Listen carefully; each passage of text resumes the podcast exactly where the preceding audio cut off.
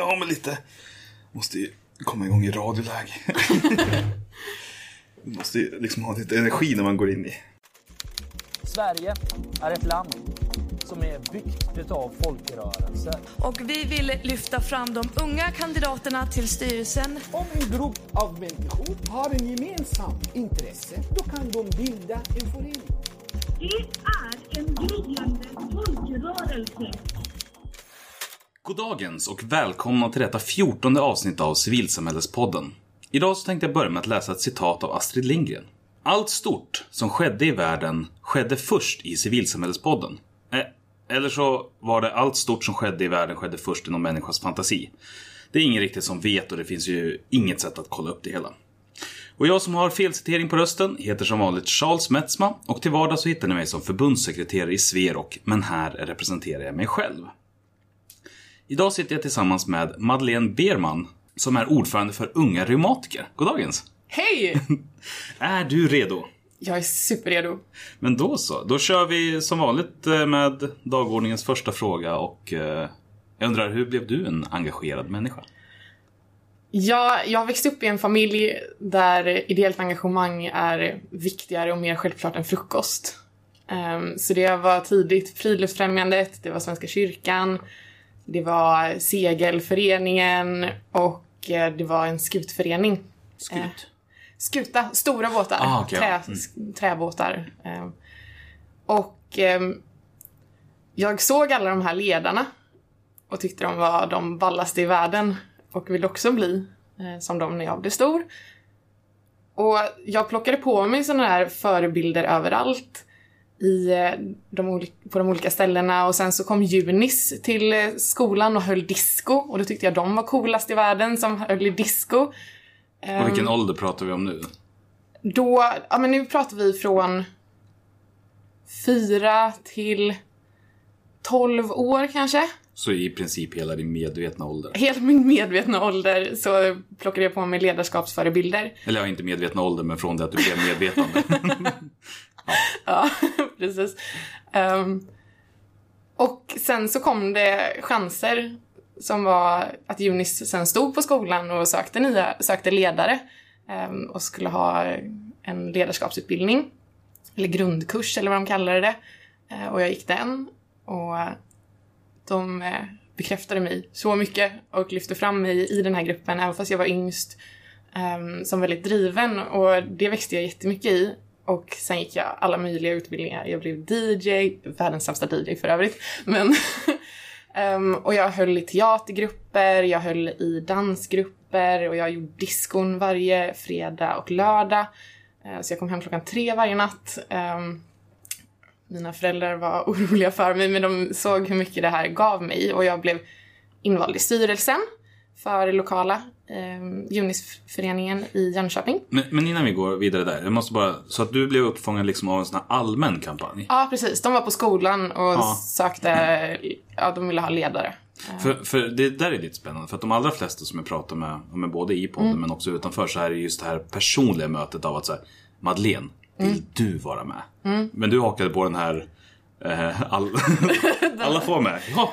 Ja, nej men jag gick fram där och, frå- och liksom, eh, frågade, det här är min chans. Eh, och sen så tror jag de såg det, för de ringde mig också dagen efter att du, för de tog mitt nummer. Ja. Så de var ju ändå sådär personliga och sa att du, vi, eh, det här verkar ju väldigt bra. Eh, ska du inte med? Men du hade hela kunskapsunderlaget vad det innebar att engagera sig och vara i styrelse och allt sånt, eller? Nej, inte riktigt. Jag tänkte eftersom att du sa att ni hade det i familjen så pass Jo, mycket. Absolut. Ehm, men mamma och pappa hade mer tagit med mig på det här ledarskapsdelen, inte styrelsearbetet särskilt Ah, mycket. ja, ja. Mm. Eh, jag hade ju varit med på flera styrelsemöten men jag hade inte riktigt eh, intresse av det då. Ehm, det var ju liksom att jobba, de här som eh, fick barn att växa och utbilda och lära. Det var ju det som jag... Precis, verksamheten. Ehm, som var det tydliga. Och sen så blev jag också, jag blev instruktör i den här skutföreningen och jag blev lärare eh, på den här båt, eh, Jolleskolan.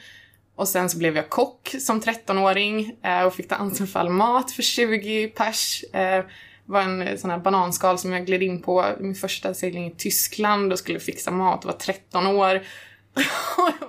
Men jag klarade det. Eh, Ja. Den skepparen trodde att jag skulle servera glass. Eh, hade noll förtroende för mig eh, och skulle alltid... Men var det skepparen som hade gett dig uppdraget? Nej, det var det Nej. inte. Det var en annan kock som var tvungen att åka hem. Eh, för jag hade varit backis heter det. Och då är man hjälper till typ och diskar Ja. och det hade jag gjort hela min uppväxt. Jag är världens bästa backis.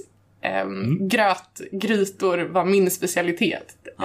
Eh, och det tyckte jag var kul. Eh, Jag tänkte om det var samma person som inte hade något förtroende som utsåg dig. Nej, det var det verkligen inte. Hon, den skepparen, var så nervös och lät mig aldrig gå till affären själv. Eh, och gick även till affären själv eh, utan mig och var så här, vad vill du ha? Och så kom hon tillbaka med fel grejer och jag fick göra det bästa av det. Eh, men det gick bra.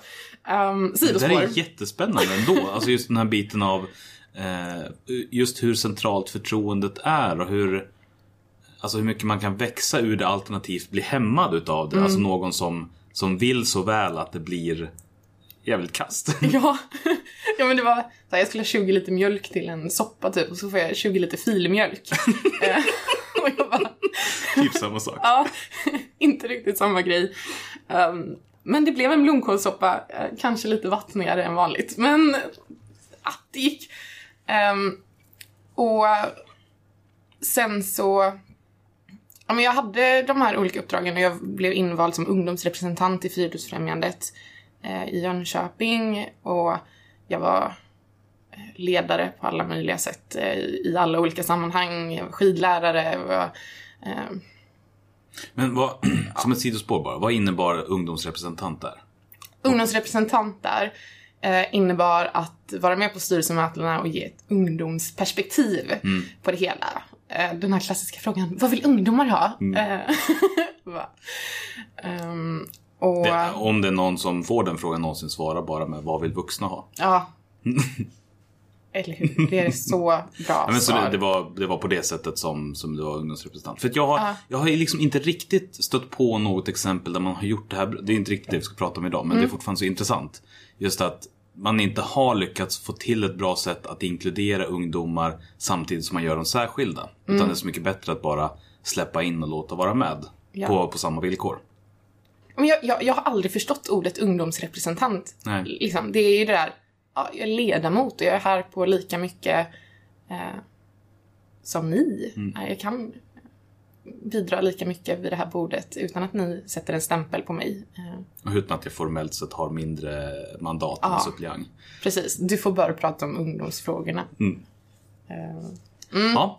Eh, men så, eh, och, eh, men sen så flyttade jag hemifrån när jag var 15 år. Oj. Eh, flyttade från Jönköping till Göteborg eh, för att läsa på mina drömmars gymnasieskola som jag hade drömt om eh, sen jag också var fyra år. jag hade, hade mycket förebilder som jag har sett till att eh, hamna i de skolorna. Jag pluggade jättehårt i högstadiet för att komma in där. Och det var den seglande gymnasieskolan med världen som klassrum. Så man seglar två månader per läsår runt om i världen och istället för att läsa om en diktatur i böckerna så åker man till Marocko och Kuba och intervjuar människor och eh, så. Så man är ute med Sveriges största seglande fartyg. Väldigt roligt. Ehm, och där kunde jag samtidigt ha igång skutförenings ehm, för att det var i närheten. Ehm, men jag tappade det jag hade i Jönköping då. Ehm, och kom inte riktigt tillbaka i det här engagemanget efter studenten. Ehm, jag började jobba och var inne i en livskris egentligen för att jag hade så problem med min, med min kropp då. Jag hade skov. Ehm, det var min reumatism som jag hade haft sedan också fyra år. Det var mycket som hände där. Ehm, fyra år och jag, för jag hade då när jag var fyra år blivit lovad att jag skulle bli frisk. Eller jag tog det som ett löfte i alla fall. De sa att 95% av alla barn eh, som får barnreumatism eh, blir, eh, blir bra i tonåren, i puberteten. Och jag var ju liksom 18 när jag tog studenten. Jag hade ju ett år kvar. Eh, Men då kom jag till vuxenreumatologen och där var det lite okänsligt och bara, ja men du är sjuk för resten av livet. Och jag var såhär nej jag har ett år kvar och jag klarar allt liksom. 95% det sätter jag. Jag blev vald, eller jag blev lottad till Lucia i ettan. Det var 0,3% chans. Jag klarar 95% liksom. Hur svårt ska det vara? Ja. Eh, men jag blev inte bra eh, och han sa att jag inte skulle räkna med det, att jag var knäpp eh, i stort sett. Ja. Så jag slutade ta mina mediciner för jag tänkte det var det som gjorde mig sjuk. Och sen så efter ett år när jag hade sabbat eh, liksom mycket av min... Man blir väldigt arg när man har ont hela tiden. Ja, Eh, och man får väldigt kort temperament och familjen blev lidande, mina relationer blev lidande. Så jag sökte mig själv till en kurator och bara, jag har problem. Jag ser... ehm, jag, jag har... Eh, jag kan inte ta mig ur det här själv. Och eh, den kuratorn fick mig att se medicinen som ett vapen mot min sjukdom istället för kvittot på min sjukdom. Förstår du vad jag menar? Mm, mm. Ehm, och sen så sa hon att... Ja, men då kunde du göra en aktiv handling mot den istället Ja, för att. Bara, bara passiv Eh, inför det. Ja, för jag har ju inte någon problem med smärta egentligen. Eh, Så det gör ju ingenting ont att ta en spruta. Det är ju en väldigt liten del. Eh, Och om det då blir eh, vapnet istället så gör jag det gladeligen. Och sen så sa hon att jag skulle söka mig till likasinnade. Och jag hade ju då, eftersom att jag skulle bli frisk så hade jag skjutit ifrån mig. Jag berättade aldrig för någon att jag hade reumatism när jag var liten. Det var liksom det sista folk fick veta för jag tyckte det var pinsamt. Och jag tyckte att eh, folk såg på mig annorlunda och bad, sa åt mig att jo men ska du inte sitta på det här eller du kanske inte borde göra kullerbyttor eller åh basket är ju inte bra för handlederna. Eh, så jag slutade ju berätta det för folk och bara körde på. Eh, och att hon då sa att jag skulle söka mig till likasinnade, eller lika, eller personer i samma situation var jättejobbigt. Det kan jag tänka mig om du har aktivt tagit avstånd Ja. från hela. För jag var såhär, jag har ingenting gemensamt med dem, de tycker bara synd om sig själva. Men i alla fall så jag gick hem och googlade eh, och eh, hittade unga reumatiker. Jag gick in på deras hemsida där och läste på första sidan att deras nästa aktivitet var till Ullared. Och jag blev så besviken och tänkte att ni uppfyller alla mina fördomar jag har mot reumatiker, att det är så här en tantsjukdom. Eh, och så scrollade jag lite till och så såg jag att de. Ullared som en, som en tantbutik då eller? Ja, eller att det var så här bara, ah, men det här, jag vill ju ha en cool organisation, tänkte jag. Att så här, träffa folk som också vill eh, hitta på balla grejer. Mindre Eh, gekos, mer rave. Ja, precis. Ehm, och eh, då tog... eh, och så scrollade jag lite till och så såg jag att de sökte en ny ordförande. Och då slängde jag iväg ett mejl och sa att det nog är jag. Eh, och presenterade mig själv ehm, väldigt spontant. Eh, och två veckor senare så blev jag i stort sett vald. Ja, det var så tajt på årsmötet? Ja, det, det var kanske, eller en månad kanske det var, eller något sånt. För det, de, de hade dragit över tiden, det var för sent att söka. Ehm, egentligen. Men jag gjorde det ändå.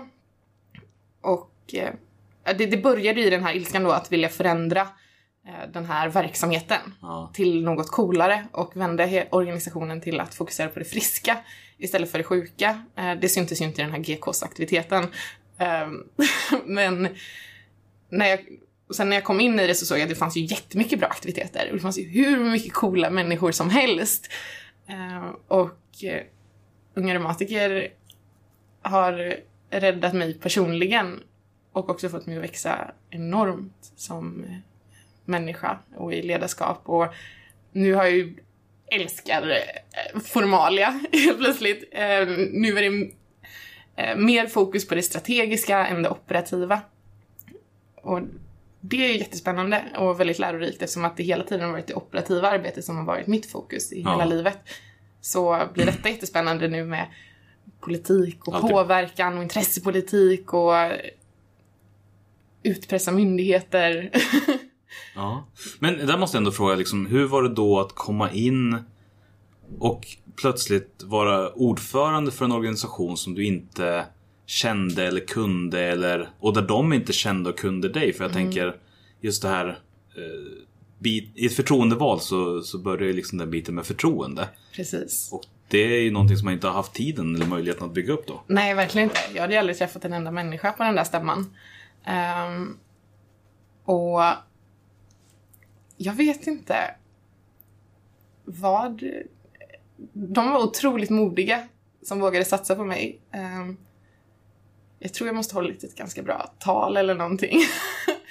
eh, där jag övertygade dem om att jag, ehm, även fast jag inte hade erfarenhet av de olika nivåerna i organisationen eller kände organisationen, att jag kunde göra ett bra jobb. Jag liksom pekade på all min tidigare organisationskunskap och försökte liksom så här, jo men jag är en föreningsmänniska och jag har varit arbetsledare så det är inga problem och jag kan den här biten och kanske överdrev lite i mina ekonomiska kunskaper. Eh, att det inte var några problem. Eh, nu är det inga problem överhuvudtaget. Men... Straffade det sig någonsin heller eller? Vad sa du? Straffade det sig någonsin? Ehm, nej. Nej. Eh, Det enda som det har straffat är väl alla telefonsupportrar jag har ringt och frågat ut. Men eh, inte organisationen har det aldrig straffat. Ehm, så... Då skulle jag vilja påstå att du inte ljög utan du bara pratade om ditt framtida jag. Ja, precis. Mycket riktigt. Ja, ja då, då underdrev jag mitt framtida jag. Eh, Men eh, ja, jag blev vald och eh, nu har jag, det var för två år sedan. Och för två veckor sedan blev jag omvald för ytterligare två år. Grattis! Tack! Eller bra jobbat, kanske man Ah. snarare ska säga. Ja, men det är bra. Mm. Och det har varit jättetufft. Det var två år med eh, omorganisation. Det har varit eh, omsättning av personal. Ingen jobbar där som jobbade där när jag tillträdde. Ehm, och vi har ändrat fokus, vi har bytt vision, vi har gjort världens stadgerevision och är en helt annan... Eh, ja, men en helt annan... Eh, vi har en helt annan identitet.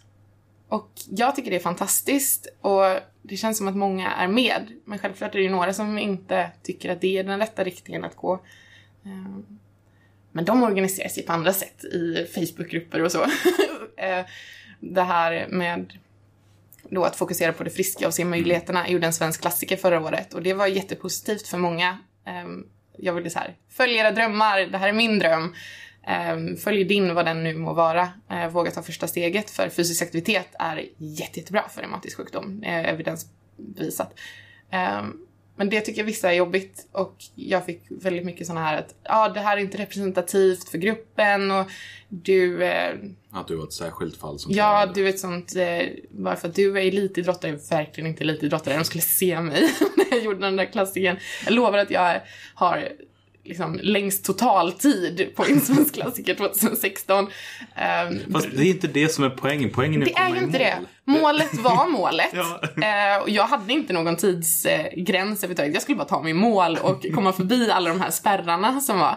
För det där Ehm. påminner, jag gjorde en gång i tiden så gjorde jag, genomförde jag ett eh, triathlon, eh, olympisk distans. Eh, och jag kom ju inte runt på någon som helst konditioner. Det såg ganska kul när jag cyklade där runt banan med min liksom, cykelkorg och bananer där i. Och när jag väl sprang in i mål där på slutet så, så hade de ju börjat liksom plocka ner banan. Så ja men du är inne nu, bra då river vi målgången. Härligt. men, men däremot så var det just det att det handlade mer om att ta sig I mål? Ja, klara det. Um, visa att det är möjligt. Det var jättemånga som sa att jag inte skulle klara det och det var ju världens sporre. Jag är så glad att de sa att de inte trodde på mig. Eh, Även fast det är så hemskt att säga det till någon rakt ut. Ja. Ehm, Så eh, de kanske kände mig väl um, ändå någonstans. Eller förstod hur jag fungerade. Men vill du hisspitcha unga reumatiker lite snabbt eller tillägga någonting utifrån vad ni gör? Ja. Uh, Unga Reumatiker är en organisation som eh, verkar för barn, ungdomar och unga vuxna upp till 32 år med reumatisk sjukdom och deras närstående. Och vi skapar mötesplatser, vi eh, jobbar med information, intressepolitik och påverkan, mycket i vården och även insamling till forskning. Ja, det är väl unga reumatiker i korthet. Vår vision är att eh, alla, ska, alla unga reumatiker ska känna livsglädje och kunna uppfylla sina drömmar. Är den också någonting som är nyantaget då? Den är ny. Det lät nästan som att den liksom återspeglade det du hade pratat om tidigare. Jo men det gör det. Innan var det ett bra liv för alla unga reumatiker. Men fan vill leva ett bra liv när man kan leva ett awesome, eh, fantastiskt, eh, toppen, grymt liv. Eh, bra likställer jag med drägligt. som det står på många ställen. Eh, att så här, Ja, men det är okej. Ja, det är så här, vi vill leva ett okej liv och det ska man inte nöja sig med. Och vården ska verkligen inte nöja sig med det. Skolan ska inte nöja sig med att eh, elever ska få eh, G, utan alla ska ju kunna få det betyget. Alla måste få förutsättningar för att kunna få högsta betyg om det är det de vill. Sen måste ju de kämpa för det, absolut. Men de måste ges förutsättningar för att det ska vara möjligt och få det stödet. Ehm, så drägligt och det här med en coach. Åh, så låga mål. Sik- sikta högre för tusan.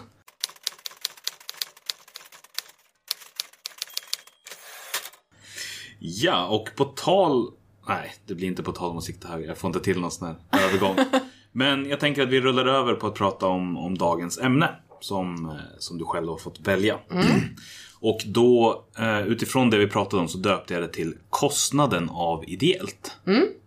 Eh, Och jag tänkte först fråga, varför valde du det temat? För att jag är så irriterad på att civilsamhället eh, förväntas ställa upp med experter och kunskap gratis. När det tas in kons- konsulter för väldigt mycket pengar. Och det är liksom så här, vi är också konsulter egentligen. Vi kommer med ett helt nytt perspektiv med otrolig kompetens. Och det ska inte tas för givet att vi gör det av god vilja. Ehm, Vad är det för typ av sammanhang du tänker på då? Ja, men nu tänker jag då specifikt på... Ja, men om vi ska säga, vi eh, gör en del samarbeten med läkemedelsföretag. Ehm, Eftersom att MUCF inte ger oss tillräckligt med pengar eh, så måste vi hitta eh, andra lösningar och då gör vi samarbeten.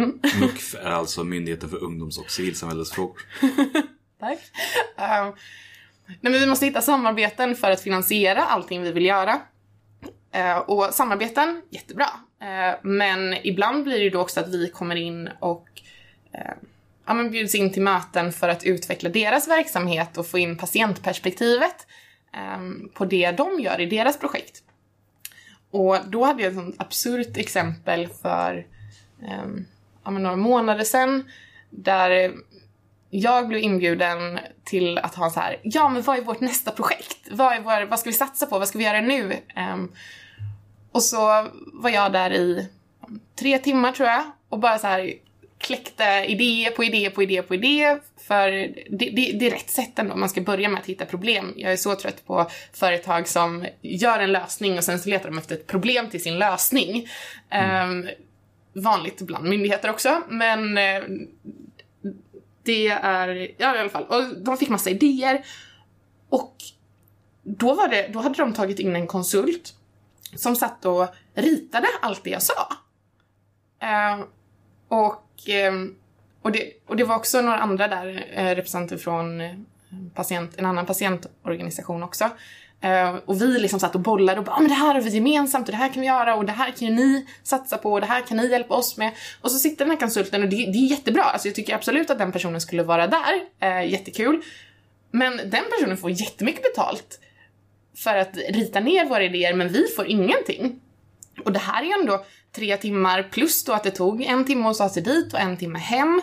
Ehm, och det blir ju nästan en hel arbetsdag som jag då skulle kunna ha lagt på något annat ehm, som har med unga reumatiker att göra, eh, som kanske är mer direkt. För det här var ju någonting som företaget fick och eh, Som på lång sikt. som på lång sikt skulle kanske. gynna, kanske, men det skulle ju inte vara vi som fick credden för det överhuvudtaget. Men skulle du säga att det här är, eh, nu tog du upp ett företag som exempel, är det Mm. uteslutande företag det handlar om? Vården så har nu eh, den nya omorganiser omorganiseringen i Stockholm gjort att det är så här, patienten är viktigast, patienten i centrum. Eh, vi ska ha med patienter överallt, i alla ledningsgrupper, i... Eh, ja, men, ja, men där patienter, lite som fler unga har parollen Eh, har sin paroll så är det där patient, det pratas om patienter ska patienter finnas representerade. Jättebra. Men det är ganska många möten och det är på dagtid. Och om man då vill ha folk som är bra på det så måste man ju ge dem betalt för det. Och det blir så konstigt också när det är då, då har man tagit in jättemånga utomstående som har byggt upp de här systemen. Um, det finns en stab som har jobbat då för att få patienten i fokus. Och så frågar man staben, okej men hur har ni tänkt ehm, att i budget? För det står ingenting i budget om patientrepresentanter. Så jag bara, ja men det tänker vi att det vill ju folk ställa upp med. Eh, ja, men ni kan inte utnyttja folks goda vilja. Om det, om det här nu är en seriös satsning, då måste det budgeteras för det. Och det, det där gör mig tokig. Att man liksom utnyttjar människor på det sättet. När det är ett helt unikt perspektiv som så tydligt ger så mycket bättre resultat.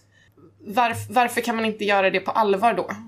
Men vart går gränserna där då? För jag tänker att någonstans så måste ju även det egna intresset spela in. Alltså så här, jag har ett egenintresse eller min organisation har ett egenintresse av att påverka på det här sättet. Vart går gränsen mellan det egenintresset? För att en konsult har ju absolut egenintresset av att få uppdrag. Men det är fortfarande det som är själva vad ska man säga, affärsmodellen för den personen eller det företaget. Men en organisation vill ju påverka och driva sina frågor. Jo men självklart vill vi ha möjlighet att påverka och så. Men när vi är inne i de här seriösa sammanhangen som är liksom på ledningsnivå, Ehm, där alla sitter och har betalt runt bordet. Jag tycker det ger en... Det ger mig större mandat om jag är där på lika villkor som alla andra. Då har man tagit det seriöst. Um, för, för det är liksom så här, okej, vi vet att du har den här kompetensen och du kan bidra lika mycket som alla andra vid det här bordet. De har liksom, om man kollar på den här modellen så är det, patienten är vid ett sånt här ovalt bord på änden, eh, mitt emot ekonomiansvarig. Det är liksom så här, patienten är en vikt, eller patientrepresentanten är så viktig för det här arbetet. Och det finns ju pengar. Det gör det. Och, och det finns så mycket pengar i att vinna på att ta in pas, en patient som har kompetens och kunskap. För då kan man göra rätt från början. Um, med tillgänglighet till exempel. Där är det bara en patientrepresentant som kan, säga, som kan komma in och säga att så här, Ehm, eller det är inte bara det, men i de här sammanhangen så är det ofta så ehm, till exempel så ja ja men vi har ju drop-in-tider eh, för unga vuxna. Det är ju jättebra. Ja men när har ni det då? Ja, mellan eh, ett och två. Men då är alla på jobbet och i skolan. Det finns ju ingen idé att ha drop-in-tid då. Jag kan inte ta mig till sjukhuset. Jag vill inte gå till sjukhuset ehm, på den tiden. Då får ni ha drop-in-tid på kvällstid. Jaha! Ja, men det är ju fantastiskt. Det kan man ju göra. Det har vi inte tänkt på. Och samma sak att... Eh, ja, men liksom eh, att få det här... Kunna fråga en patient som har kunskap eller patient eller det behöver inte vara en patient, det kan vara vad som helst som är en representant för en större grupp. Att få- alla dem in i rummet är ju ovärderligt. Mm. men jag drar lite paralleller utifrån för att under förra året och eh, även fortsatt i år då, så har Sverok varit involverad i framtagning av nytt nationellt skogsprogram. Eh, Och där så har det ju varit, ur vårt perspektiv så har det varit väldigt liksom, högaktuellt att få in det faktum att skogen är mer än att bara ströva, skjuta, plocka och hugga. Ja. Utan att det fortfarande, alltså att det är en arena för eno- enorma mängder ideell verksamhet. Mm. Att man inte bara går och liksom plockar saker eller så här, känner in naturen. Nej. Mm. Utan du kan göra andra saker på din fritid också. Det är superviktigt för oss. Ja. Att få in det för att kunna underlätta för mark, alltså våra föreningar att få mark och så vidare. Mm. Men samtidigt så är det då någonting som, det har varit ett intensivt arbete med många möten och ingenting betalt. Mm. Men fortfarande så ligger ju det helt och hållet bara i vårt intresse att de frågorna kommer in. Den som är ut, alltså så här, man skulle kunna säga att ja, men absolut det finns en viss allmän nytta i det men det är fortfarande huvudsakligen vårt intresse att det finns med där. Så liksom det jag fiskar efter är ju egentligen vart gränserna går. Där det blir problematiskt i min mening. Det är ju när organisationer är mindre och inte har de möjligheterna att ta sig råd. Det är ju då problem uppstår på riktigt. För att till exempel, vi har ju två heltidsarvoderade i styrelsen. Vi har ganska mycket personal. Vi har möjlighet att närvara. Men för organisationer som inte har personal som skulle behöva ta ledigt från jobbet i ja, men liksom 10 dagar på ett år. Ja. För att bara delta på möten där man är en av 25 som tycker saker. Där finns det inte riktigt samma liksom resonlighet. Är Jag tycker, ju, jag tycker ju att det är större intresse än bara för Sverok i det sammanhanget. För, eller, man måste ju hela tiden se till allmännyttan i det hela. Och där bidrar ju ni jätte- jättemycket i de mötena genom att driva eh, de frågorna. Jag tycker ju ni ska ha betalt för att vara där, självklart. Ehm, ska även då till exempel företagen, för att där var det också företag som var med som inte heller får betalt utan som ställer upp med sin tid.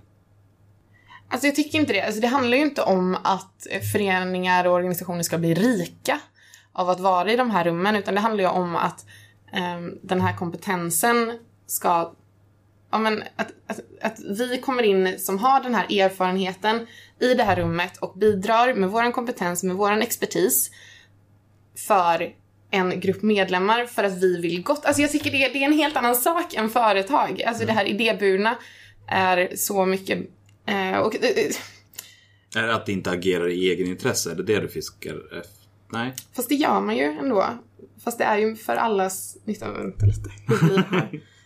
Vi kan hoppa över frågan helt. Eh, mellan- Nej men den är ju väldigt bra. Gud, alltså jag vet ju hur jag tänker men jag kan inte få fram det ord. Men det är det här, absolut att era medlemmar är de som vinner på det. Samtidigt som det är Unga Reumatikers medlemmars vinst att eh, de perspektiven kommer fram i vården. Så kommer det att gynna alla. Jag är övertygad om det. Att även fast man inte är med i Sverok och aktivt, ehm, nu vet jag inte vad det syftar på, är det så live och eh, de här olika typ geocaching och sådana saker. Ja, massa sånt. Ja. Airsoft paintball och... Ja, Ja, Men så här, I Wow. förlängningen så går det till någon slags... Ja men i förlängningen så vinner alla på det. Precis som att så här, vi driver ett tillgängligt samhälle. Att vi ska eh, göra så att det finns hissar överallt och ramper. Och det är, det är inte bara personer i rulle eller personer som har svårt att gå upp för en trappsteg som vinner på det. Det är alla, eh, alla äldre som har problem. Det är alla med barnvagnar. Det är alla... Eh, överallt. Alla kommer vinna på ett tillgängligt samhälle för alla. Alla kommer vinna på att vården är anpassad efter patienter. Eh, Alla kommer vinna på att det finns oändliga möjligheter att göra vad en vill i skogen. Ehm, Men, men Och- är det liksom, är det främst... Är det en tanke som handlar mest om att om en, liksom, en finansieringsfråga som faktiskt är att få in pengar för att kunna täcka verksamhet och kunna jobba med det? Eller handlar det mer om att det ska ske en uppvärdering? en av- uppvärdering. Ja. Att förstå att det här är inte bara någon... Det, det, det, har ju liksom, det krävs erfarenhet för att kunna bidra med det. Och det krävs... Och det är också det här det större perspektivet. Jag är där och representerar patienter. Jag är inte där och representerar Madeleine. Jag driver inte min egen fråga utan jag har ju gjort ett gediget stort arbete när jag träffar medlemmar, när jag träffar regionsaktiva, Eh, när jag träffar folk i vården. Alltså jag suger ju in all kunskap hela tiden för att lära mig så mycket för att få så bred förståelse som möjligt. Jag pratar med andra patientorganisationer, jag pratar med alla eh, andra funkisorganisationer för, för att få det här stora perspektivet. Och att de då får det gratis när det finns pengar för det, bara att man inte har budgeterat för det. Eh, och inte tar det på... Att, att man tar det för givet. Då tycker jag det blir skevt. Är det, alltså det finns väl nästan någon slags koppling till, till generellt hur det ser ut för kulturarbetare också. Ja. Alltså just när men kom och spela hos oss ikväll. Precis, För- du får lite, lite, lite käk. Ja, och Eh, sen så framförallt så det är bra promotion för dig. Eller, Ja, ja men eller gör den här hemsidan så får du lite uppmärksamhet och kan sprida det vidare. väldigt bra jämförelse. Ehm, att man nedvärderar det arbetet som ligger bakom all den kunskapen och all, men i kultur då, talang och eh, så mycket tankarbete bakom och så mycket känsla och så mycket tid och liv och energi. F- mot att du får lite pommes och en öl. Men, men jag tänker, det, det är så otroligt tydligt. Jag har en kompis som jobbar som grafisk formgivare. Ja. Eh, som, eh, då det var en kund som var skitförbannad. Så här, så här, men hur kan du fakturera mig 5000 spänn för att göra en logga som tar dig en kvart att göra? Jo, det kan jag göra. Mm. Därför att det tog 30 år att lära mig att göra det på en kvart. Precis. Det är ju det. Och det, det, det är ju samma sak där att, ja men du, du bara, du bara langade ju fram den här idén. Det var väl inte så svårt? Nej men allt det arbete som ligger bakom för att jag har hitt, tänkt på det här problemet och försökt hitta en lösning som jag nu ger till dig. Det har ju tagit jättelång tid. Du visste inte ens att det här problemet fanns innan. Ehm, Men sen tänker jag också att det finns ju en annan parameter och det är ju att det faktiskt, även om det är ideellt så finns det ju fort, det är fortfarande en kostnad för någon. Ja. Alltså antingen en organisation precis. som då har en arvoderad person som åker ut så är det ju den organisationen som betalar det. Ja. Eller så är det en person som tar semester och tar den liksom, biten från sig själv. Alltså det finns ju man glömmer ofta bort att ideellt engagemang också är en kostnad Ja. som någon betalar på något sätt. Och om det inte är då att eh, jag nu då, men nu blir jag ju arvoderad, men om jag inte hade blivit det, då hade det ju varit min tid som jag är där. Eh, och den är också betydelse och, vad säger man? Värd Det är också en resurs ja. ehm, som, som man måste räkna med och om jag då lägger fem timmar på det här, då, då är det ju som sagt någonting som jag kunde lagt på någonting annat som kanske är mer direkt mot medlemmarna. Det kanske inte ens blir någonting av de här fem timmarna. Um, och vad, vad var det då? Ehm, och då har man ju bara slösat bort det. Mm. Men, men vad är det för förändring? För det känns som att det här ändå... um, nu, så som vi har pratat nu så har det varit ganska nischat utifrån eh, från, liksom, från ert perspektiv. Ja. Av unga reumatiker. Men är det här någonting som du har sett eller hört med liksom, i samtal med andra? Eller finns det en, är det här en bredare grej eller är det någonting som bara är för, för er? Alla, alla, alla, alla. Alltså ungdomsrörelsen, våga skicka fakturor eh, för när man är ute och föreläser. Eh, om man så föreläser om eh, elevperspektivet på någon stor kongress för lärare. Det är verkligen så här, den här kompetensen, eller den här kunskapen och den här förståelsen från det här perspektivet kan inte få det bättre. Och om man tittar på vad liksom eh, vad det kostar med föreläsare. Det, det vet man ju liksom om man säger, ja ah, vi ska ha en föreläsare på våran, eh, våran riksstämma typ. Man nu måste ju söka bidrag extra för att ha råd med det. Det är ju ingenting om man bara slänger in. Men 10 000 Eh, är inte en orimlig summa att du kommer få betala. nej, 10 000 är ju en väldigt låg summa för en lä- föreläsare. Det beror på vad man siktar efter. Det, precis, ja Det är en absolut. jävla spännande bransch det där också. Det är väldigt spännande. Eh, nej men alltså våga ta betalt för det då och även fast det är så här att man definitivt kan se nyttan i att vi får komma med vårt budskap här så är det ju fasen de som ska vara tacksamma för att de får den här kunskapen. Ehm, och det där är så viktigt också på, när man kommer till myndigheter till exempel och så sitter man, och det gjorde jag innan också, och bara, åh tack så jättemycket för att vi får komma hit och eh, så fantastiskt att ni lyssnar på oss och att, vilken möjlighet att vi får komma här och påverka. Det är ju de som ska tacka skiten ur oss, att vi tar oss tid att komma dit och eh, se till att de inte glömmer bort något perspektiv eller att det gör rätt. Så nu när du tar i hand och för att säga hej då så säger du också varsågod och sen går du. Ja, ja men lätt. Eller, eller jag brukar nästan inleda de här mötena med att så här, vad i processen är det vi kommer in? Ehm, för det är så många gånger som det har varit så här, ja men vi ska, vi vill diskutera det här, ehm, alltså lite, lite som en eh, muntlig remiss, typ. Att så här, vi, vi har gjort det här arbetet och nu vill vi kolla med er eh, om ni tycker det är bra. Eh, och så, och så sitter man där och kommer med massa inputs och så här, ja men om ni ställer frågeställningen så här så kan ni få det här mycket bättre resultatet eh, och den här är mycket bättre för den, eh, det är inte relevant med skolnärvaro till exempel, för man kan vara i skolan och inte vara ett dugg med, eh, utan det är mer härvaro. Hur upplever jag Eh, att jag är aktiv i skolan till exempel? Ehm, men då är det ju så många gånger som bara oj, ja tack för input, det här tar vi med oss till nästa projekt för det här skickade vi på tryck i förra veckan. Och jag blir tokig! Varför ska vi sitta där och liksom säga massa saker på någonting som redan är gjort? Ta in oss tidigt i processen. Ehm, Istället för att bara bocka av oss på någon snygg lista att vi hade minsann pratat med unga funkisrörelsen om det här. Eh, och de tyckte det var liksom bra.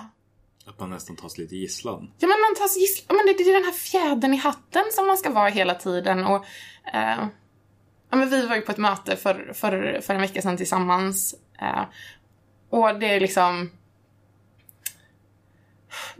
det ska bara vara fint typ. Att ja, men vi vill ha de, den här, den här eh, åldern så att den här ministern ska kunna säga eh, i FN att eh, den har träffat Skicka helst inte representanter som är över 30 för då ser det inte ut som vi vill att det ska se ut. Nej, precis. Eller vad var det, 25 typ? Vi har diskuterat vad en ungdom är för någonting. Ja, Ja, ja 25. jag tror det var 25. Och sen när det, var, ja, men sen när det började dyka upp röster i rum. Ja fast vi, har, vi är beredda att gå upp till 30. eller- Ja. Och liksom går rakt mot den personen och bara Vi vet ju att du är lite gammal, kan du skicka en annan representant kanske? Och man bara, men hallå, nu är det ju de här som är valda för att representera ungdomsrörelsen. Um, och ta, lyssna på vad vi säger istället för att um, utforma någonting lite snyggt och sen säga att vi unga har sagt det här. Också det här att unga civilsamhället säras från civilsamhället så många gånger i de här frågorna är jätteirriterande. Så vi är ju ganska duktiga på att separera oss själva också i mångt och mycket. Alltså vi, vi identifierar oss ju starkt med liksom ungdomsrörelsen. Ja. Men problemet är väl i och för sig också när man pratar om civilsamhället. Ja. Och där gör skillnad på Ja men precis, att så här, vi har pratat med civilsamhället och nu pratar vi med er. För det, det skulle ju vara, motsvarigheten skulle ju vara så här, men nu, nu ska vi prata med civilsamhället och sen ska vi prata med nykterhetsrörelsen. Ja. För det är ju inte, alltså det blir ju nivåfel. Nu visar jag med händerna men det syns, hörs inte. Man, man kan eh, ana lite vad det gör. Ja. du um, jo men det där är mycket också. Och sen så det här att myndigheter och olika sådana här sammanhang att man bjuder in till exempel funkisrörelsen för sig. Och sen bjuder man in eh, byggföretag för sig. Och sen bjuder man in eh, ja, något annat för sig. Och det där är ju också jättetråkigt för jag, jag vet exakt vad alla de här kommer säga vid det här bordet. Um, det, vi vill ju få till... Om vi ska skapa någonting nytt så måste vi ju ha olika perspektiv vid bordet. Absolut att vi har lite olika um, om det till exempel är personer med hörselnedsättning eller synnedsättning eller eh, nedsatt funktionsförmåga eller om det är att man har en osynlig eh, normbrytande funktionsvariation. Absolut att det är lite olika, men vi har ju suttit i de här mötena så många gånger och vi bara bekräftar ju varandra och säger samma saker. Sätt oss i nya rum med nya personer tvärsektionellt så tror jag att det, det är ju så man uppfinner den nya pacemakern liksom. Um, och där måste myndigheter bli väldigt mycket bättre. Så att det inte bara blir de här olika checkboxarna, utan att våga faktiskt skapa nytt. Men samtidigt så vill jag också, i vissa sammanhang så, så tycker jag att det fungerar jättebra. Alltså just eh, det som ligger nära oss då, det här med nationellt skogsprogram. Man Mm. har gjort en jätteprocess och ett jättearbete och som har fungerat jättebra. Så att det finns ju många exempel där, man faktiskt anstränger sig och lyckas också.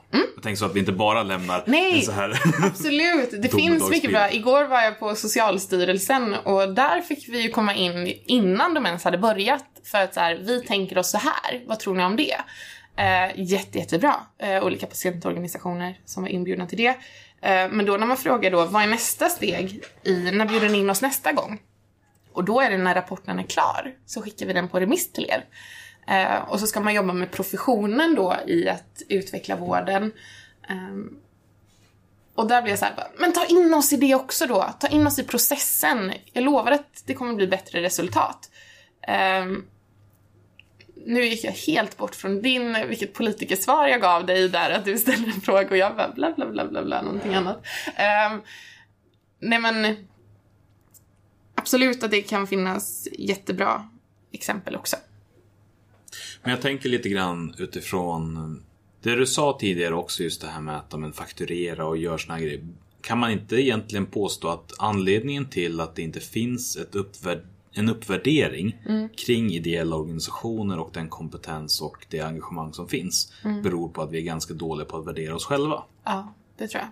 Därför att det är väldigt eh, det är väldigt få föreningar upplever som faktiskt ställer de frågorna som jobbar på det sättet. Och jag vet att jag pratat en del med eh, Rättvisförmedlingen som jobbar stenhårt på det sättet. Liksom så här, men vad vi än ska göra, vi fakturerar. Ja. Och hur mycket liksom, motstånd de har mött. Eh, och hur det liksom nästan har, har varit som att så här, men ni är inte ideella organisation. Nej. Därför att ni, ni vill ju ha betalt för allt. Ja. Då, då där är ju en eh, skev bild då. Att så här, man tror att ideellt betyder gratis och god vilja. Ehm, men, men just- ideellt betyder f- grym kompetens och expertis. Ja, den ursprungliga Jag såg det var någon som postade på Facebook här, här veckan bara. Alltså Just att, den, att det har skett en syftesglidning för att ideellt från början betyder liksom upphöjt eller liksom eh, någonting man gör som har en större syfte. Medan nu är det mer synonymt med liksom volontär. Någon som gör någonting utan att kräva ersättning. Ja.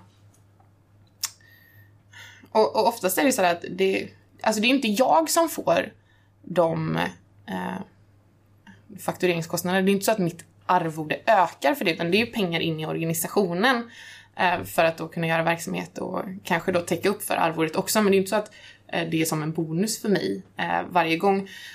Ehm, kanske skitsamma, men det, det som du sa där i början med ideellt då. Vad var var det du sa? Jo men Ideellt att, var- att vi, ja, vad ideellt var? Ja men alltså Eller- det var mer upphöjt och någonting Precis, upphöjt. Det där, det där är ju jättespännande då, för, för då måste man verkligen förstå att jag är ju här för att jag brinner för detta, för jag tycker det är viktigt. Jag är inte här för att jag ska få lön.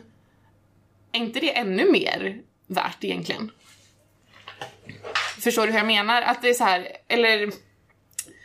Mer värt var ju inte korrekt.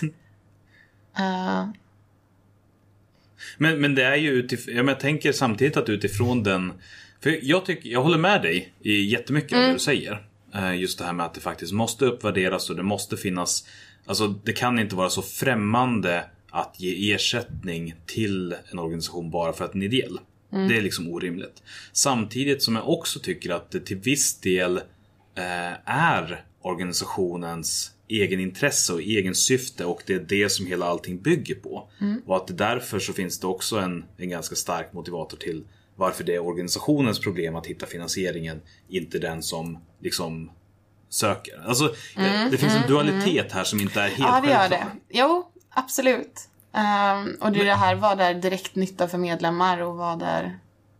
ehm, ja. Men, men för att spetsa till det lite grann då och, eh, och göra det svårt och jobbigt för, för mig själv också. Ja. Det här är, alltså om vi tittar på Civilsamhällespodden. Ja. Någonting som jag gör på min fritid ideellt. Ja. Eh, Men du kommer ju hit i rollen som ordförande. Ja. Du får inget arvode för det här. Nej. Men samtidigt så är det någonting som liksom gagnar podden. Ja. Alltså att ha ett innehåll. Ju- utan innehåll så blir det svårt. Borde du ha fått betalt för att dyka upp här eller? Eller tycker du bara att det är så kul att...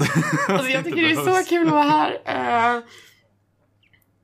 Nej, Alltså, jag tycker, för- jag tycker det är en annan sak när det är inom... Även fast du gör detta på din fritid och så, så tycker jag ändå det här är inom unga civilsamhället. Jag tycker att eh, unga civilsamhället ska stötta och hjälpa varandra mycket, mycket mer och eh, samarbeta. Nu är förvisso Eh. ambitionen med det här att vara hela civilsamhället även om man inte riktigt har lyckats. ja, eh, nej men att man ska, att eh, jag, jag tycker inte det är samma grej när det är internt inom ungdomsrörelsen. Där tycker jag vi ska hjälpa varandra och samarbeta och stötta så mycket som möjligt. Men när det är eh, mot eh, myndigheter, vården, företag.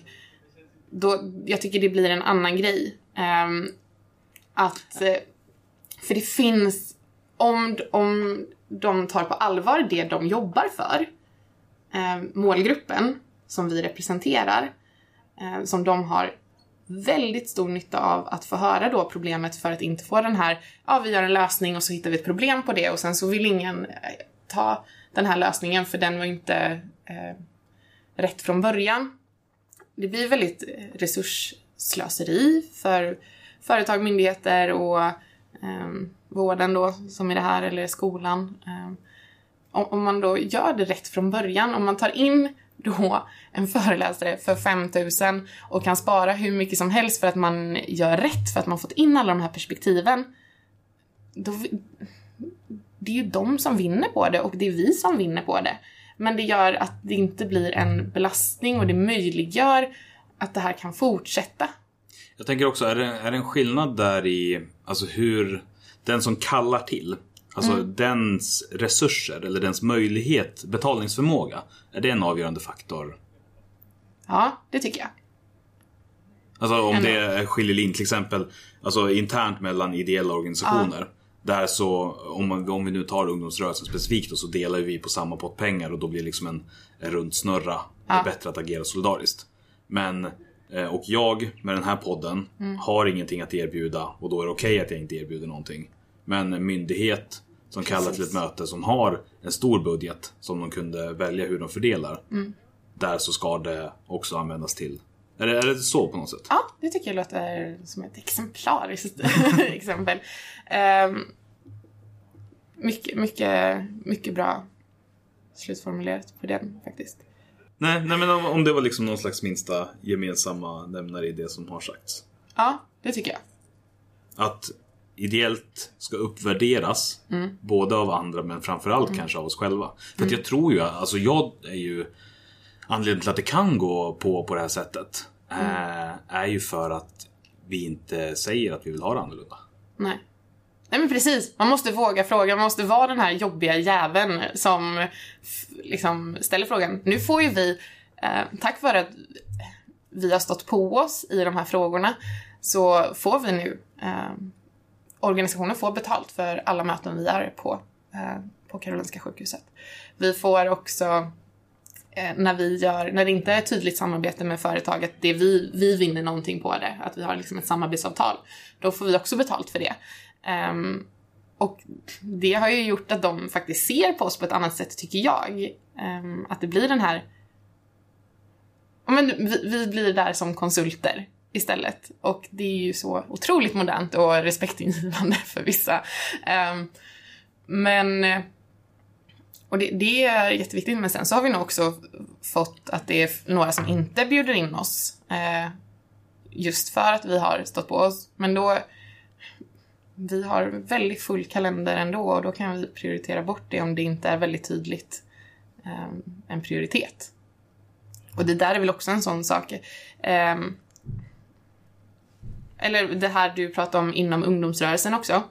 Att om jag kan till exempel prata med elevrörelsen och prata om vilka ehm, problem som våra medlemmar har i skolan till exempel. Om, det vinner ju jag jättemycket på om när, när det driver sina frågor kan ta in eh, um, unga reumatikers perspektiv är det fantastiskt. Um, samma sak som om Sverok ska göra någonting för att e-sport är jätte, jättebra, då kan jag ju hjälpa till och bidra med att jo men så här skulle, är det bra för personer med funktionsnedsättning till exempel. Så får ni ytterligare argument för det och ytterligare perspektiv på era frågor också.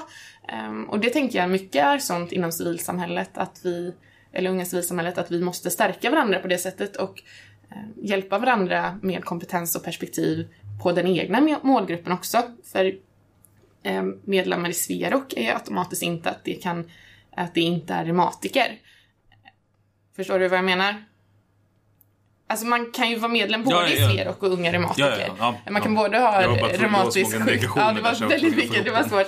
Ehm, eh, man kan ha reumatisk sjukdom och vara med i Sverok eller eh, astronomisk ungdom eller överallt. Ehm, och att vi då får in de här olika perspektiven blir, bara stärker hela unga civilsamhället.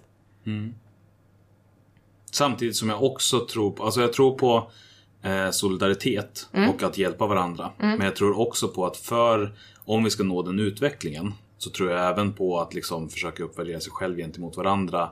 Eh, absolut ha bjussigare priser, eller man säga, men fortfarande liksom försöka eh, där det finns möjlighet ta betalt av varandra. Därför Mm. Ja. att eh, annars så kommer vi Där det finns möjlighet, definitivt. Ja, ja, men till exempel om det är så att en organisation jobbar med ett externt projekt finansierat av Allmänna arvsfonden. Ja, Då finns det ju medel där som inte tar liksom och äter av det ordinarie. absolut. Och då så är det bättre att dela med sig av det till Ja. de som kommer och hjälper till. Ja, och, men, och det, det där tycker jag, det, där vill man ju hellre då, för annars får man ju ta in någon utifrån till exempel. Ehm, vi har börjat småplanera lite för vårt 25-årsjubileum eh, som är om två år. Eh, så taggad! Ehm, men där pratar vi om då, för då ska vi ha en alkoholfri fest och där vill ju vi istället då för att ta in eh, något företag, då vill ju vi ta in UNF kanske som gör våra alkoholfria drinkar och självklart ska de ha betalt för det. Ehm, för då kommer det ju finnas pengar till det. Ehm, och samtidigt som vi då hellre istället för att hyra in någon extern eh, vad heter det, ja men någon som ska dokumentera detta så kanske vi tar in någon från Ung Media istället och eh, Alltså här, Förstår du? Vi använder den här kompetensen som finns inom unga civilsamhället. För då har ju vi fått de här medlen förmodligen från något stipendium eller något bidrag. Och då är det bättre att det går vidare till, till andra organisationer istället för att det går ut till företag, tycker jag. Någonting kring det här med eh, kostnaden av det ideella som du vill lägga till? Alltså, ja, om man pratar om det utifrån den rubriken så blir det ju där, då kan man ju lätt eh, också prata om hållbart engagemang. Att kostnaden ideellt är att det, det här att tiden är begränsad, kan inte hoppa på varje boll som kommer för då går den sönder. Eh, måste prioritera och om jag då prioriterar någonting eh, ja, Ja, men vad ska jag prioritera för att jag måste prioritera? Jag Ja. går inte att göra allting och då så finns ju de ekonomiska incitamenten som ett hjälp på vilken typ av prioritering man kan göra. Och då är det upp till myndigheter och företag att prioritera den kompetensen genom att eh, lyfta på plånboken. Precis. ja men det är det här också att det tar otroligt mycket energi att vända på varje krona. Eh, och eh, så mycket energi går ju åt till administration för att då eh, alltså möjliggöra resurser för att möjliggöra verksamhet, för att möjliggöra vårt uppdrag. Mm. Nej men det kommer definitivt komma ett avsnitt någon gång som handlar om just hållbart engagemang för att eh, Så viktigt ämne! Ser mycket fram emot att lyssna på det.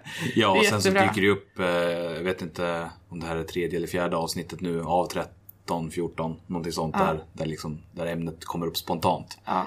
Det är väldigt mycket, i alla fall i ungdomsrörelsen är det väldigt stor eh, diskussion just nu. men både LSU med HEL och Maktsalongen med sina satsningar så är det... ehm, och det är så viktigt. För det är ju ett tydligt problem att personen bränner ut sig. Man ska ju inte bara hålla... Jag ska ju inte bara hålla två år till i Unga Reumatiker, jag ska ju hålla resten av livet. Och jag vill ju se tillbaka på den här tiden som fantastisk och inte som ehm, ett krigsfält liksom. Ja. Tack så mycket för det.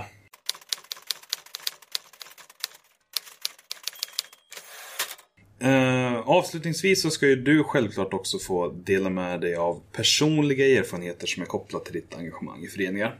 Tanken är ju då att du berättar något som du eller din organisation har lyckats bra med. En framgång där du är riktigt jävla stolt. Och också någon gång när det gick åt helvete och vad du lärde dig utav det hela. Och du väljer som vanligt själv vilken du vill börja med. Ja, när det gick åt helvete. Många exempel. Jag har lärt mig mycket av misstag. Jag har så svårt att se att saker har gått åt helvete för allting har ju gått bra i slutändan och Jo, men har det lärt oss så mycket. Eh, nej, jag vet inte. Eller något miss. Jo, men då var det väl att eh, i somras, eller förra sommaren, då eh, var, vi var ute i verksamheten och helt plötsligt får jag ett mail att eh, en säger upp sig och eh, några timmar senare så får jag att en förlänger sin föräldraledighet med ett halvår och vikarien försvinner och vi står helt utan kansli. Eh, personal. Från och med eh, om en månad framöver. Och där var det ju så här, så, då, Så från, från två tre- heltidare nej, i stort sett till ingen personal. Eh, och den här, för vikarien skulle inte vara kvar. Ehm, och ehm, det var ett halvår tills den här personen skulle komma tillbaka på föräldraledighet. Var så här, det är inte värt att ta in en ny vikarie. Vi vill eh, omorganisera hela kansliet. Eh, och hade ju tänkt det längre fram liksom att det här, men nu, nu liksom får vi fokusera på det här och det var den långsiktiga planen att ja, men, eh, omstrukturera och bli ett operativt eh, kansli istället för ett förvaltande. Eh, eftersom att eh, organisationen tog det klivet så var ju kansliet tvungen att hänga med. Eh, så vi liksom skulle se över alla arbetsbeskrivningar och så för att eh, få det vi vill ha. Eh, och helt plötsligt så fick man ju då slängas in i det där eh, direkt och ställas inför valet att hur löser vi den här situationen? Ska vi ha en ny vikarie? Eh, ska vi anställa en likadan? Eller, liksom, vi hade inte kommit dit i processen i omorganiseringen. Och Eh. plötsligt så skulle ni stå där och vara klara om en månad. Ja, eh, klar om en månad och det var... ehm, det kändes lite kaosigt, men det var nog också eh, väldigt, väldigt bra. Ehm, och tyvärr, styrelsen har inte mandat eh, på något sätt att ändra arvoden. För det är stämmobeslut hos oss. Lönerna? Alltså Nej, löner har vi ju eh, att välja, att Ja. det kan vi styra över.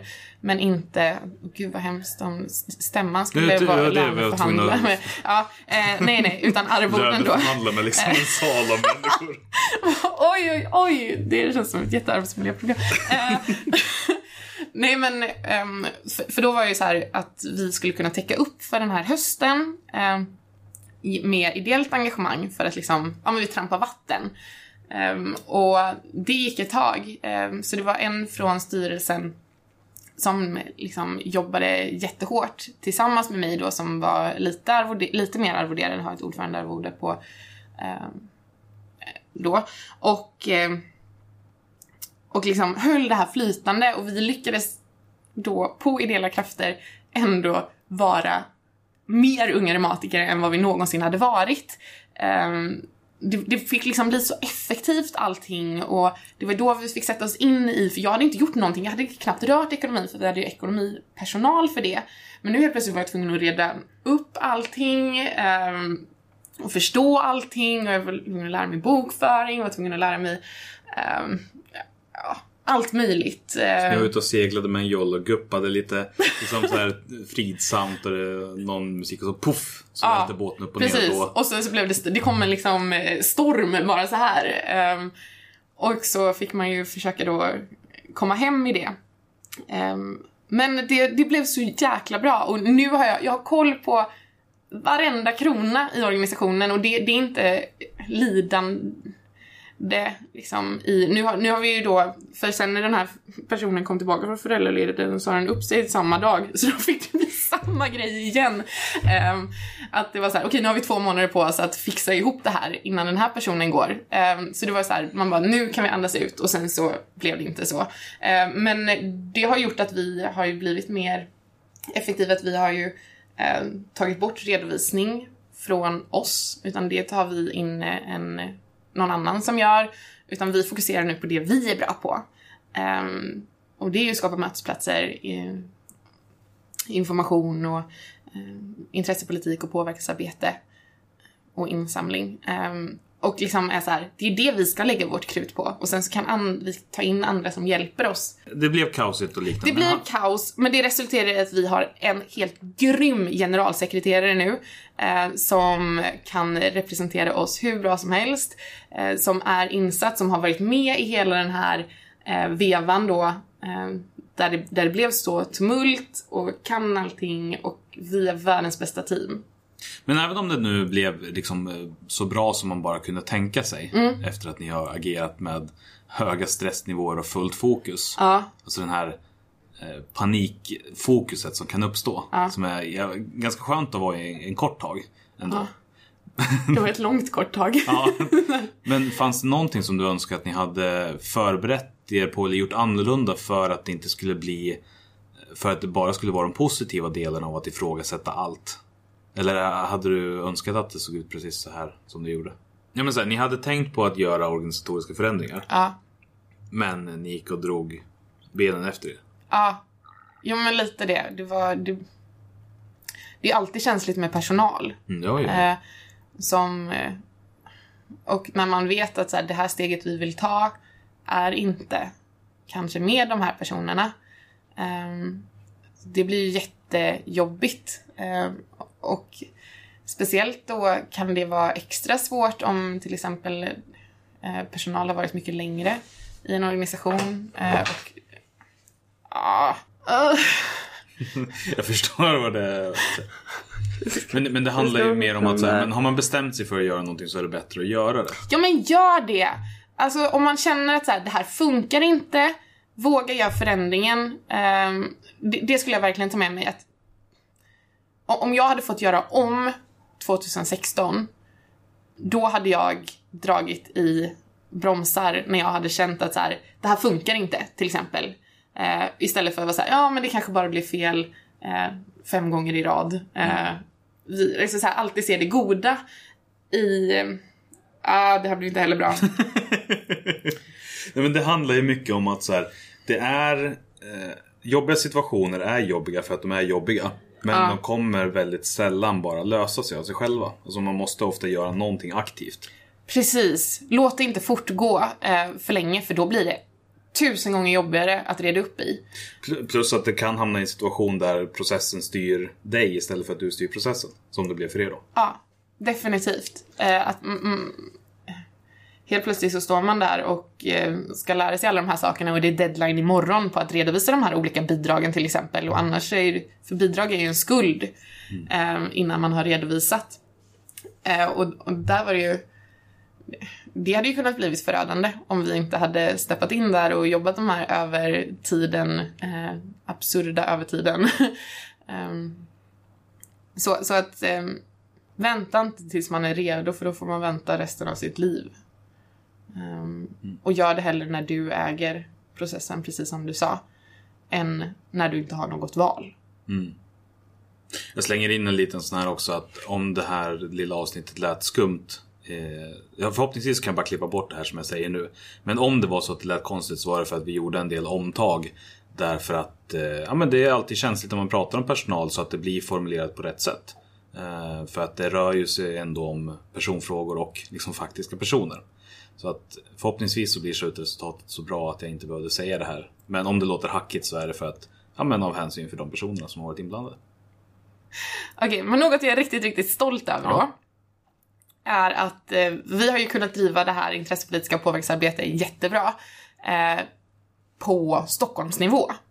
Men vi vet ju att eh, Sverige är väldigt mycket mer än Stockholm och det där är ju någonting som eh, är ett problem kanske för många i ungdomsrörelsen att man är så Stockholmscentrerad.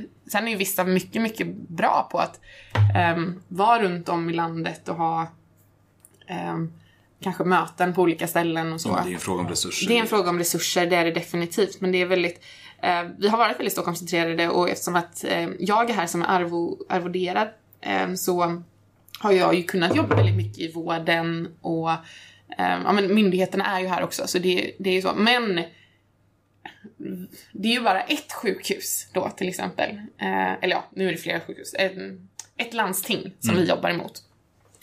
Eh, så nu när vi har gjort väldigt mycket bra och satt igång mycket bra processer och arbeten som man lite kan ta som piloter eh, så vill ju vi få ut det till alla landsting. Vi vill få ut ehm, till alla kommuner och Eh, kunna jobba mer direkt med medlemmar eh, för att till exempel föreläsa för deras klass. Vi vill, eh, som jag har åkt runt och gjort lite så, men jag kan ju verkligen inte täcka upp för alla våra 1600 medlemmar. Ehm, och få lite mer den här att man ska kunna få stöd ehm, och vi, vi vill kunna funka lite mer som ett fackförbund kanske. Ehm, med att så här, ja, men det här är dina rättigheter och vi stöttar dig i det här när skolan inte lyssnar på dig. Eh, till exempel. Eh, men så då har vi satt igång ambassadörsprogram där vi utbildar personer runt om i landet på då intressepolitik, på påverkansarbete. Vi berättar om så här, så här gör vi i Stockholm, eh, när vi är i eh, de här sammanhangen och representerar. Så här kan ni göra ut mot landsting. Ni ska liksom eh, absolut driva eh, utifrån personligt men då också det här större helhetsperspektivet. Här har du faktan, spring. Precis, typ. Eh, precis, typ. Fantastiskt uttryck. Eh, nej men, och då att... Och det här har blivit så himla bra. Ehm, och vi har ju precis satt igång med detta. Men vi ser redan nu att de pratar så gott om oss i Stockholm. Och det, det sprids ju på olika konferenser ut och så. Så nu, nu, ring, nu liksom frågar de ah, hej har ni någon ambassadör som kan komma och driva patientperspektivet för vi har hört att det här är så himla bra. Eh, och det är jätte, jättekul att vi nu kan påverka runt om i nästan hela Sverige. Och det kommer ju bara växa. Eh, så vi ska kunna driva politik och påverkan eh, överallt. För är- våra regioner skapar mötesplatser. Eh, och de gör ju det ideellt. Och man kan liksom inte bara plocka på mer grejer utan då blir det en nationell grej som folk får söka till som är intresserade av det arbetet. Eh, så det tror jag så mycket på. Jag är så stolt över eh, våra ambassadörer. Det låter skithäftigt och vad det låter som också att ni har lyckats åstadkomma någonting ganska stort på väldigt små resurser ändå. Oh ja, eh, det har vi verkligen gjort. Alltså just att lyckas plocka upp det här engagemanget som finns och bara ge verktygen för att så här, så här kan du göra. ja. För det är ju oftast inte mer som behövs än, än kunskapen om hur. Ja men precis, och vad det här, vi tror på er och känner att ni har hela unga reumatiker bakom er. Ni står inte ensamma här utan... um, um, och också är ju den här, ni har kompetens. Det finns ingen i vården, i professionen, som förstår uh, det här perspektivet som ni gör. Det är ni som äger detta. Uh, för det är ni som har den personliga erfarenheten, det är ni som har levt med detta. Ehm, en är ju bara i vården liksom kanske så här en timme per år ibland, eh, om det är en bra period. Men jag lever ju 364 andra dagar. Eh, och det måste komma in. Eh, jag är så mycket mer än min medicinering. Och jag är ju inte min sjukdom, jag är ju Madeleine. Eh, och det måste bli bättre. Och det är ju bara jag som eller ja, jag tänker ju jättemycket på hur saker och ting ska bli bättre och det gör alla som sitter i det där väntrummet som bara har hemmets journal eller eh, min häst. och det är, det är sådana små detaljer som kan göra så otroligt stor skillnad. Nej men ambassadörerna är vi jättestolta över och också det här att kunna vara ett stöd direkt för medlemmar och kunna vara ute med föreläs och föreläsa för klasser och så, det är jättevärdefullt. Um, ehm, och skapa de här positiva förebilderna precis som jag hade de här förebilderna som jag såg upp till i olika sammanhang så vill jag att det ska vara eh, förebilder som kommer ut för de här medlemmarna eh, som kanske är mycket yngre, som känner en stor ensamhet eftersom att det inte är så många. Det är 200 till 300 barn som får barnreumatism varje år. Det är inte så vanligt då att det kanske är två i samma klass eller att man har någon i närområdet eller någon av ens vänner har det. Och för 95% försvann det i tonåren, eller vad sa du? Nej, det är en lögn. Det är en lögn. Eh, det, Okej. det är inte så. Um, viktigt. Eh, men, eh, eller ja, det trodde man på 90-talet. Det där ändras ju hela tiden. Så. Mm. Nej men att de får de här positiva förebilderna som är att jag kan spegla mig i den här eh, personen och har den personen klarat av alla de här coola sakerna som den står och berättar för för min klass och hela min klass är imponerad, för det vet man ju, man är så imponerad av folk som kommer in oftast. Eller jag har det, jag kommer ihåg alla sådana där externa föreläsare för de har påverkat mig eh, personligen, eh, vad den har varit. Så. Ja, nej, jag kan bara minnas den här den stockholmaren som kom ut så här. Ja, jo, det, det börjar ju med, med, med en cigarett på plattan va. Och du bara, Det är den enda den jag kommer här ihåg." personen vill jag bli. Nej men att vi skapar de här positiva förebilderna för att stärka de här personerna för att de sen eh, i framtiden också ska göra detta för yngre och eh, få det i hjulet liksom. Att, Ja, men det, se vart det tog dig. ja.